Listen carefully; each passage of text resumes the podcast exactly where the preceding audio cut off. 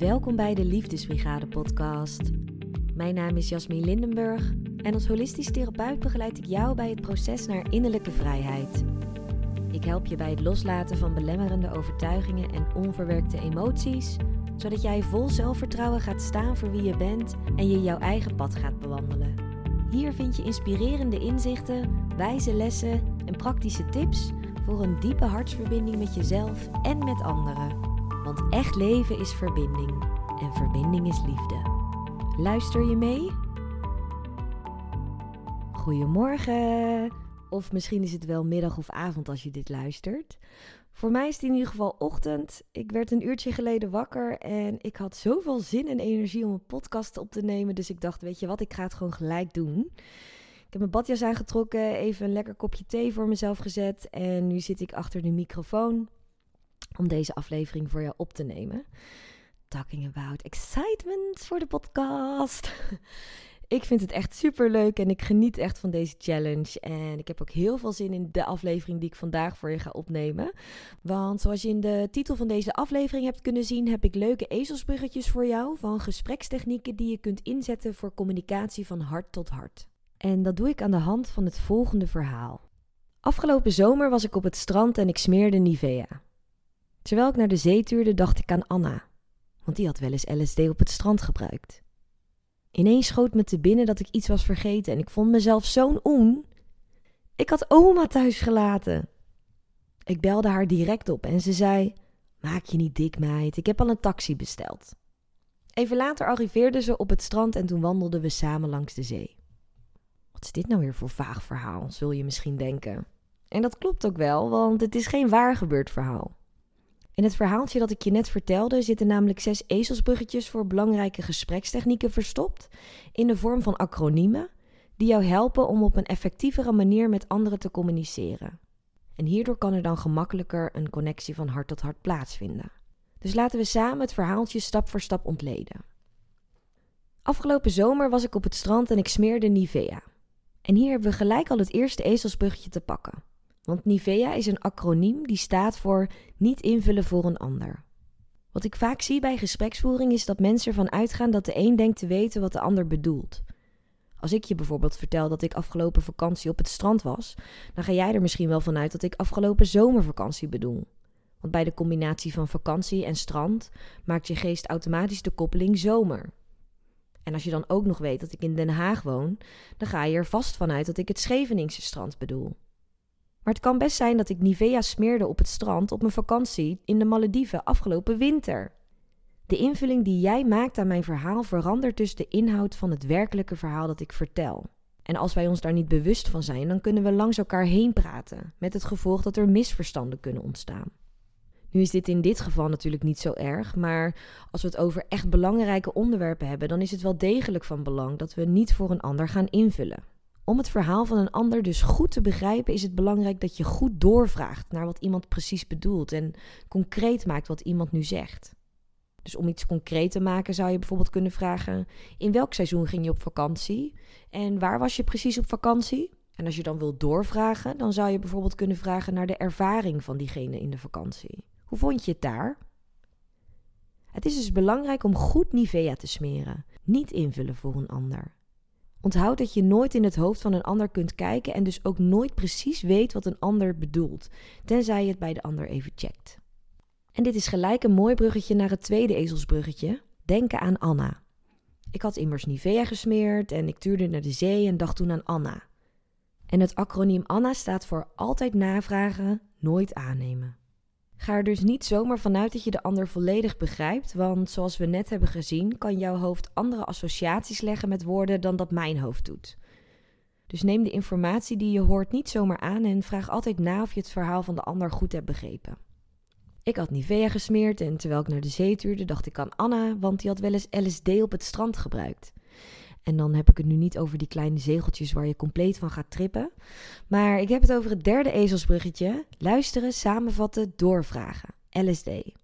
Deze stappen zijn handig om te checken of jij en de ander op één lijn zitten. Wees bewust aanwezig bij het verhaal van de ander en luister actief naar de woorden die worden genoemd en de woorden die niet worden genoemd. Want tussen de regels door wordt vaak ook heel veel informatie gegeven als je echt met aandacht luistert naar het verhaal van de ander. Vervolgens kun je dan samenvatten wat je zojuist van de ander hebt gehoord. En dat is voor jou als luisteraar heel fijn, omdat je hiermee kan checken of je de ander goed hebt begrepen. En of je alle belangrijke informatie ook echt daadwerkelijk hebt gehoord. En voor de spreker is het heel fijn om van de ander een korte samenvatting terug te horen van wat diegene zojuist heeft gezegd. De gesprekstechniek samenvatten helpt namelijk om de gedachten van de spreker te ordenen. Je kent het vast wel als je je verhaal vertelt aan iemand die deze gesprekstechnieken goed beheerst en diegene geeft een korte samenvatting van je verhaal terug, dan kan het voor jezelf soms zo verhelderend zijn omdat je ineens begrijpt: oh ja, dit is waar ik nu mee bezig ben en dit, dit vind ik nu zo lastig bijvoorbeeld. Dus dat maakt dat samenvatten in een gesprek een hele krachtige functie heeft. En naast dat de spreker door de samenvatting meer helderheid krijgt in de brei aan zijn of haar gedachten, voelt de spreker zich ook daadwerkelijk gehoord en begrepen op het moment dat jij een goede samenvatting kan geven van het verhaal dat zojuist is verteld. En je echt gehoord en begrepen voelen is natuurlijk cruciaal voor een connectie van hart tot hart. Nadat je hebt geluisterd en hebt samengevat, is het ook belangrijk om door te vragen. Zoals doorvragen naar de beleving of het gevoel van de ander, of naar diepere informatie over de situatie. Het is dus belangrijk om LSD te gebruiken. Luisteren, samenvatten, doorvragen. Het zijn dus belangrijke gesprekstechnieken om in te zetten als jij op dezelfde lijn als je gesprekspartner wil zitten. Nou, ik was dus op het strand en ik had daar Nivea gesmeerd en ik dacht aan Anna, want die had wel eens LSD gebruikt op het strand en ineens schoot me iets te binnen dat ik iets was vergeten en ik vond mezelf zo'n oen. En oen staat hier voor open, eerlijk en nieuwsgierig. De houding die jij wilt aannemen als je meer verbinding met een ander wilt. Wees open door oordelen achterwege te laten. Je hoeft dus niet gelijk je mening op de ander te drukken of je oordeel direct uit te spreken over iets wat de ander doet of zegt. Luister met een open geest en een open hart naar het verhaal van de ander en probeer te achterhalen wat die ander met zijn of haar verhaal precies wil zeggen. En wees daarbij ook eerlijk door de ander te vertellen wat er in je omgaat. Misschien begrijp je die ander niet, nou geef het dan aan. Misschien voel je een beetje ongemakkelijk bij het gesprek, spreek dit dan uit. Alleen door echt eerlijk te uiten wat er tijdens het gesprek bij jou gebeurt, kan er een connectie van hart tot hart plaatsvinden omdat je dan spreekt vanuit je gevoel in plaats van vanuit je hoofd. En wees naast open en eerlijk vooral ook nieuwsgierig naar wat de ander je wil vertellen. Alleen vanuit oprechte interesse kunnen hartconnecties ontstaan. Wat wil jij oprecht leren over de ander? Of wat wil jij oprecht ontdekken? Of wat wil jij oprecht te weten komen? Wees dus een oen. Open, eerlijk en nieuwsgierig. De basishouding voor een connectie van hart tot hart. Ik had Nivea gesmeerd, ik had aan Anna gedacht, die had LSD gebruikt. Ik besefte dat ik een oen was, want ik had oma thuis gelaten. Oeps. Oma staat in dit verhaaltje voor oordelen, meningen en adviezen. Je kent het vast wel. Je zit in een lastige situatie, het emmertje loopt een beetje bij je over en je lucht je hart bij een ander. En je hoopt op empathie van de ander, een begripvolle reactie voor wat er op dat moment bij jou gebeurt en wat je meemaakt. Maar in plaats daarvan geeft de ander jou zijn of haar ongezouten mening of oordeel over de situatie. Of nog erger, ongevraagd advies. Oh, ik snap echt niet waarom je dat deed. Ik had het echt zo en zo gedaan. Dat is toch veel makkelijker? Of dat was toch veel beter geweest? Want dan zou dit en dit en dit niet zijn gebeurd. Dat is dan wel het laatste wat je op dat moment wil horen. Ik in ieder geval wel. Als gesprekspartner kun je wat mij betreft niets ergers doen dan oma meenemen in het gesprek. Dus laat haar alsjeblieft thuis. Kijk, het is menselijk om ergens een oordeel, een mening of een advies over te hebben. We hebben allemaal een mind en onze mind die vindt altijd wel iets ergens van. Maar op het moment dat je deze oordelen, meningen of adviezen ongevraagd naar de ander uitspreekt, ontstaat er een blokkade in de communicatie. Als ik nu in een lastige situatie zit en ik wil mijn hart bij jou luchten en ik vertel hoe rot ik het vind, hoe lastig ik het vind. En misschien toon ik ook wel emoties. Kun je zien dat ik er verdrietig om ben, bijvoorbeeld. Of dat ik heel erg gefrustreerd raak door een bepaalde situatie, omdat het me allemaal te veel wordt. Dan is het laatste waar ik op dat moment op zit te wachten dat je met een oordeel, een mening of advies komt. Omdat ik heel erg in mijn gevoel zit. En op het moment dat ik in mijn gevoel zit en iemand gaat daar een rationele reactie op geven, dan ontstaat er dus een blokkade omdat we op dat moment niet op dezelfde frequentie communiceren. Ik zit namelijk op de gevoelsfrequentie, terwijl die ander heel erg op de ratiofrequentie zit. Nou, wat krijg je dan? Dan krijg je dus een blokkade, een blokkade in de communicatie. En hierdoor kan dan geen connectie van hart tot hart ontstaan. Je hoeft oma dus niet uit te spreken in een gesprek. Je hoeft haar niet mee te nemen. Tenzij de ander daar nadrukkelijk om vraagt. Dan kan het juist heel waardevol zijn. Maar wat dus belangrijk is op het moment dat je oma gaat uitspreken, is dat je eerst checkt bij de ander of de emoties wat zijn gezakt. Dat de emoties wat zijn gekalmeerd. Zodat diegene weer wat lager zit in de emotionele frequentie. Waardoor jouw rationele gedachten, dus je oordeel, mening, advies, waardoor dat makkelijker aankomt. Je wilt dus weer samen eerst op diezelfde frequentie zitten. En dat betekent dat je even mag gaan aftasten bij de ander, hoe die ander erbij zit. Meestal voelen we dat toch wel aan. Is iemand heel geëmotioneerd, dan weet je nog even wachten. Even wat empathie tonen. Even benoemen. Goh, ik zie dat het je raakt. Ik zie dat het je verdrietig maakt. Ik kan horen hoe gefrustreerd je bent. Het zijn allemaal manieren om even empathie te tonen. Om je begrip te geven en om te laten merken dat de emotie van de ander gehoord wordt. En daarna, als degene daarom vraagt, dan kun je best eventjes oma brengen in het gesprek. Dat kan soms dan heel waardevol zijn. Maar het belangrijkste is om dus altijd eerst begrip te tonen voor wat de ander op dat moment doormaakt. Alleen op die manier kan er een connectie van hart tot hart plaatsvinden. Als je oma wil uitspreken, dan is het wel belangrijk dat je daar een open houding bij aanneemt. En dat je jezelf echt probeert te verplaatsen in het verhaal en in de belevingswereld van de ander. Iedereen heeft een ander referentiekader. Mijn referentiekader, hoe ik naar de wereld kijk, is heel anders dan hoe jij naar de wereld kijkt. Dat komt door de ervaringen die we hebben opgedaan. En als we dan bijvoorbeeld advies willen geven voor de situatie van een ander, dan is het belangrijk om altijd te onthouden dat we dat doen vanuit ons eigen referentiekader. Hoe wij dus zelf naar de wereld kijken. Met onze eigen kwaliteiten, met onze eigen vaardigheden. Dus wat ik in een situatie zou doen, is misschien heel anders dan wat jij in een situatie zou doen, terwijl de situatie precies hetzelfde is. Betekent niet dat mijn manier beter is of slechter is dan die van jou. Het betekent gewoon dat het anders is. Dat ik anders naar de situatie kijk en dat ik ook anders met de situatie omga. Daardoor is het wel heel waardevol om met verschillende mensen te sparren over een situatie. Goh, wat zou jij doen als jij in mijn situatie zit? Goh, wat zou ik doen als ik in jouw situatie zat? Maar het is dus belangrijk dat je altijd rekening houdt met het referentiekader van de ander. Want op die manier kan de mening of het advies dat je wil geven aan de ander het beste aansluiten bij die ander. En dan kan die ander er ook daadwerkelijk iets mee doen. Of niet. Daar staat diegene natuurlijk vrij in. Goed. Oma lekker thuis laten dus. Spreek je oordelen, meningen en adviezen niet uit, tenzij de ander daar nadrukkelijk om vraagt.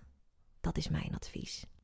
Nou, ik heb Nivea gesmeerd. Ik had aan Anna gedacht, die had LSD gebruikt. Ik was een oen, want ik had oma thuis gelaten. En toen ik oma opbelde, zei ze... Ah joh, maak je niet dik, want ze had al een taxi besteld. En dik is hier het acroniem voor denk in kwaliteiten. Vaak zijn we geneigd om ons te focussen op wat er niet goed gaat, op de negatieve eigenschappen van de ander. Dat gaat dan zo automatisch dat we het vaak zelf niet eens doorhebben. Maar als je zo naar de ander kijkt, dan kijk je dus eigenlijk met een beschuldigende vinger naar de ander. En dan kan er natuurlijk nooit een verbinding ontstaan. Ik geloof dat je er altijd vanuit mag gaan dat iedereen in elke situatie doet wat hij of zij denkt dat op dat moment het beste is en wat op dat moment binnen hun kennis en kunde ligt. Anders hadden mensen wel iets anders gedaan. Dus als je in een situatie zit waarin de ander iets doet wat in jouw ogen negatief is, probeer dan eens op zoek te gaan naar het positieve in die connectie. Want je zult ontdekken dat als je jezelf hierin gaat trainen, er altijd wel iets positiefs is. Dat iemand anders altijd kwaliteiten heeft die jij misschien op dat moment niet kunt zien. Maar als je jezelf dus hierin traint, dat die kwaliteiten steeds meer aan het licht komen. Dus maak je niet dik. Denk in kwaliteiten. Richt je op het positieve, op wat er goed gaat. Want alles wat aandacht krijgt, groeit. Afgelopen vakantie was ik op het strand en ik smeerde Nivea. Terwijl ik naar de zee tuurde, dacht ik aan Anna, want die had wel eens LSD op het strand gebruikt. Ineens schoot me te binnen dat ik iets was vergeten en ik vond mezelf zo'n oen. Ik had oma thuis gelaten. Ik belde haar gelijk op en ze zei: Maak je niet dik, meid, ik heb al een taxi gebeld. Even later arriveerden ze op het strand en toen wandelden we samen langs de zee. En hier leg ik de nadruk op samen, omdat dat precies is wat er gebeurt als je deze zes ezelsbruggetjes van deze aflevering toepast in gesprekken. Het versterkt het gevoel van het samen zijn, het samen doen. Dat je samen met elkaar in verbinding bent. Want alleen op die manier kan er echt een connectie van hart tot hart plaatsvinden. Ik nodig je uit om de komende dagen bij jezelf eens na te gaan hoe jij bent in een gesprek met een ander. En om de ezelsbruggetjes die ik in deze aflevering met je heb gedeeld eens toe te passen. En probeer dan niet gelijk alle zes de ezelsbrugjes toe te passen. Dat is hetzelfde als dat je denkt gelijk een marathon te kunnen lopen als je daar nog nooit voor hebt getraind. Kies er een uit die jou op dit moment het meest aanspreekt en zet voor jezelf de intentie dat je deze gaat inzetten tijdens gesprekken de komende periode.